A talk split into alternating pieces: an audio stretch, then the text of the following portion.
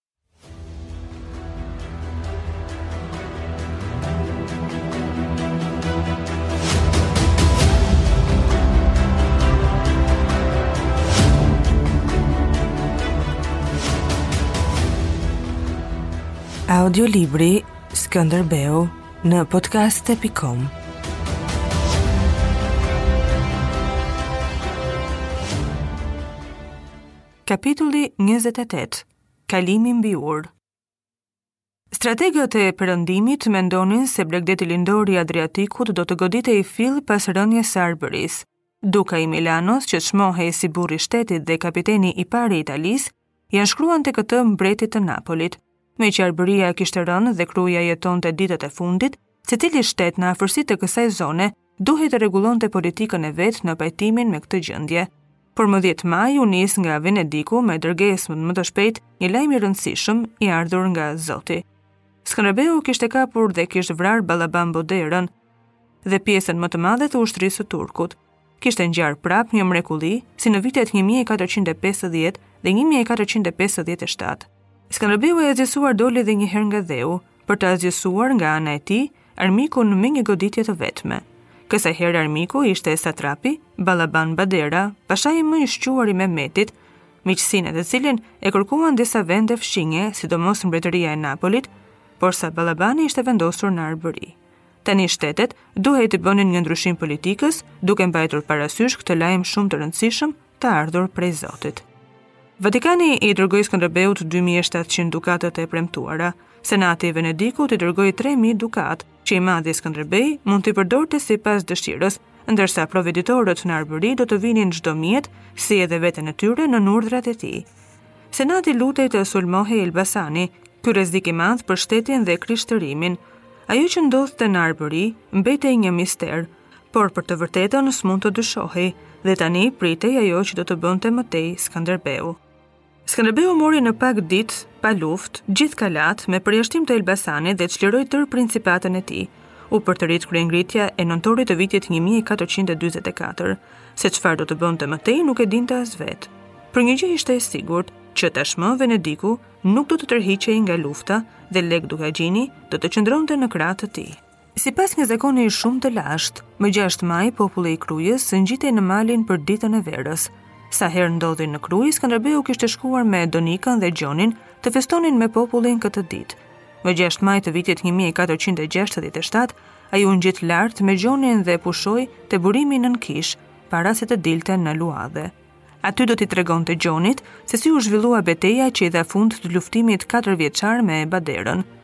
Beteja rreth Krujës, që u hap e u mbyll pothuajse brenda një dite, kishte qenë një vepër me të cilën mund të krenohej një kapiten i madh. Po kur u ulën, Skënderbeut i kishte kaluar dëshira për të folur dhe iu përgjigj shkurt pyetjeve të djalit. Skënderbeu ndërroi vend që të mos ia pengonin pishat pamjen dhe u mbështet në shkëmb. Qetësia hyri në çdo pikë të gjakut dhe i bëhej se jo vetëm shihte, por dhe dëgjonte zgjimin e natyrës së blerimit që harbohej, të tokës që thithte ngrohtësinë. Tej në rrugë kaluan njerëz që flisnin me zë të lartë, sipër nga luadhet vinte gjemimi i butë i një daulleje. Ky dimri kërcënon jetën me fytyrën e tij të akullt, po në atë frymë përtërihej pranvera. Njerëzit, punët e të cilëve u ngjajnë stinëve të motit, 13 ditë pas fitores qanin më pak, qeshnin më shumë, këndonin e pinin verën e fundit të fuçisë, sikur e gjitha ajo që ngjau të kishte shkuar me dimrin bashkë. Rrënjët e jetës nuk shkulen, jeta është pa fund. Këmbëngulja dhe durimi i popullit, fjala e tij e urtë, Gjethja bie për të çelur gjethen, kishin shpërndarë hijet nga shpirti i Skënderbeut dhe ajo ishte e para ditë e një prehjeje që nuk e kishte provuar prej kohësh. Gjoni i ri nuk zinte vend. Ai po jetonte ngjarje tepër të mëdha për muskujt e tij të hollë. Historia dhe e tashmja shkriheshin në ndjesitë e tij. Donte të ishte i vrarë si biri i Pirros, Ta shihte veten të shpuar tejendanë me një shtizë armike dhe në të njëjtën kohë të gjendej atje pranë babës. Ptolemeu duke hyrë në qytet i ngatërroi punët të atit, tha Gjoni duke ndier veten fajtor. Skënderbeu rrotulloi sytë mbi djalin që përparonte në mësime dhe ia kuptoi ankthin. Ai ishte gjaknxehtë dhe i ngutur. Ngutja nuk rrëfen trimëri të vërtetë, tha Skënderbeu.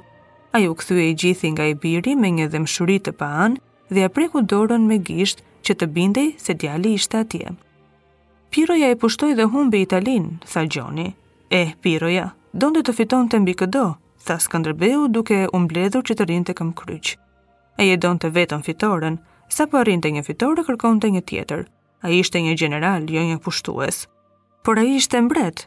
Kjo ishte më e keqja e tij. Se ndërsa e kuptonte mirë edhe luftën edhe pushtetin, donte vetëm luftë si një argëtim të mendjes. Si Anibali, jo, e kundërta. Anibali nuk e donte luftën, e shikonte atë si një mjet për të rrënuar fuqinë e Romës.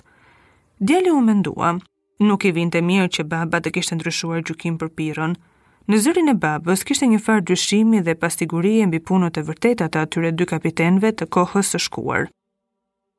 Djali donte të ishte një i pavarur në mendime.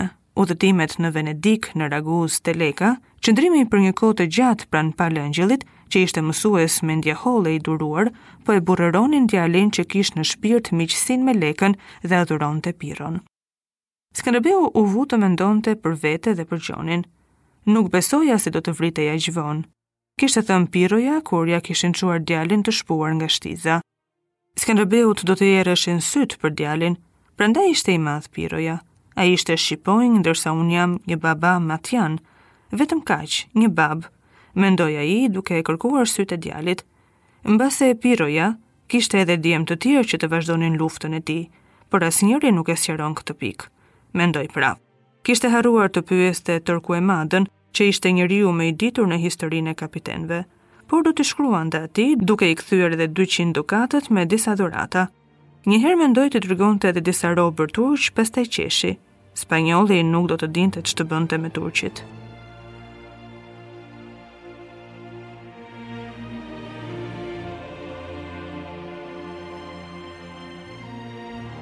Rruga e Kërrabës, me të cilën po ngjitej në krye të ushtrisë, i dukej Skënderbeut krejt e tija. Në të mund të ecte vetëm ai me njerëzit që vinin prapa dhe rrugë çante nëpër një shtek të ri, në të cilën humbjet s'ishin kurrë të pandreqshme dhe fitoret asnjëherë tepër të mëdha. Ai përpiqej më kot të kapte këtë ndjesi të re. Ajo buronte brenda tij dhe ishte pavdekësia. Në 23 vite luftë, ai kishte ndezur në shpirtin e popullit një zjarr që solli vdekje dhe shkatërrime të mëdha, por s'mund të bëhej ndryshe, dhe zjarri duhej të mbahej i njëjtë, derisa koha t'u jepte punëve drejtime të tjera.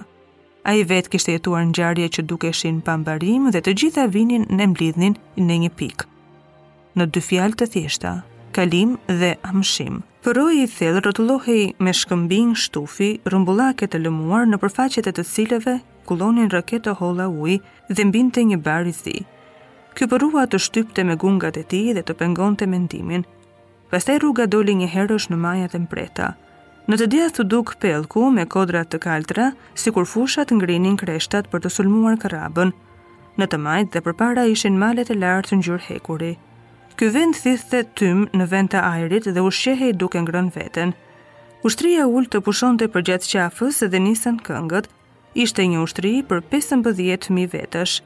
Populli do t'i shërbente lirisë deri në fund, dhe gjithnjë do të nxirrte një ushtri prej 15.000 vetësh, aq sa i duhej vendit, tamam si shtiza, që duhet të jetë dy pëllëmbë më e lartë se koka e ushtarit, as më e gjatë, as më e shkurtër. Tani radhët e saj ishin mbushur me 16 vjeçarët e papërmbajtur, që shpejtonin të arrinin diçka nga lavdia e etërve, si edhe nga ushtarët e rinj të rekrutuar në Tivar, Drisht, Shkodër e Lezhë. Ushtria këndonte fatin e saj të pashoq, i jetën e zjarrtë që shpërthente atje në qafë. Skënderbeu u ngrit më këmbë dhe priti të kalonte para tij e gjithë ushtria. Ky ishte brezi i tretë që shërbente nën armë që nga koha kur ai u kthye në Krujë. Skënderbeu ishte 60 vjeçar dhe ata ishin nipat e tij.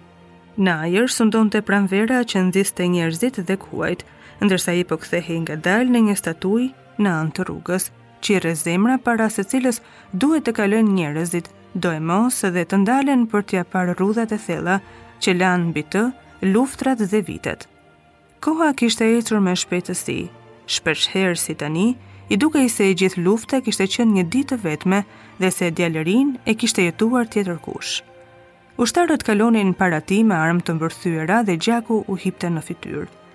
Ai ishte një baba dhe zot i të gjithave dhe i të gjithëve, i luftës dhe i paqes, po sidomos i lirisë. Gjaku i tij lëvrinte në dejet e këtij brezi, që kishte vetëdijen e fuqisë së vet dhe që do të ecte gjithnjë në drejtimin e duhur. Ata prisnin prej tij ndonjë fjalë ose ndonjë shenjë. Për 23 vjet, ai s'kishte bërë tjetër veç të përgatiste shpirtin e ushtrisë për sulm e për mbrojtje dhe gjithnjë kishte folur, por tani kishte mbetur pa gojë. Ai ndjeu vapë dhe hoqi përkrenaren me një lëvizje prej plaku që të nderonte brezin e tretë dhe prapë ndjeu pavdekësinë. Ai ishte ura që lidhte të kaluarën me të tashmen dhe me të ardhmen. Ai ishte një mendim që ia tronditi shpirtin dhe që të mbahej u lëkund mbi këmbët. Skënderbeu e kaloi kalanë e Elbasanit, që ishte një rrezik i madh për shtetin dhe për krishterimin. Po ashtu si i bëri punët, kuptohej se nuk do të niste ndonjë sulm të përgjithshëm për marrjen e saj. Ajo ishte një kala me mure të larta, e ndërtuar ndan lumit, me kulla të mëdha rrumbullake, e re, si e lyer me dhjam, e mbrojtur me topa dhe me hendek nga një garnizon i fortë me një bërthamë prej 400 jeniçerësh.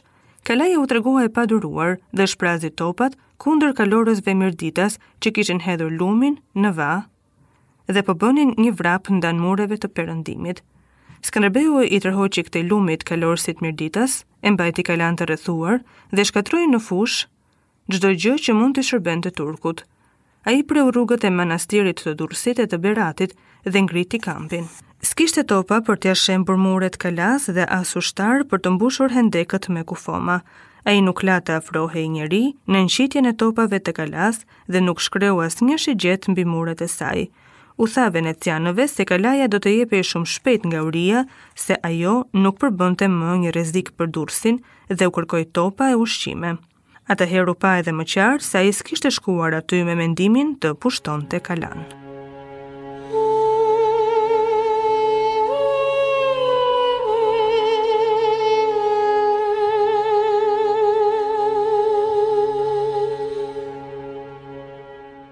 Audiolibri Skënderbeu në podkast pikë com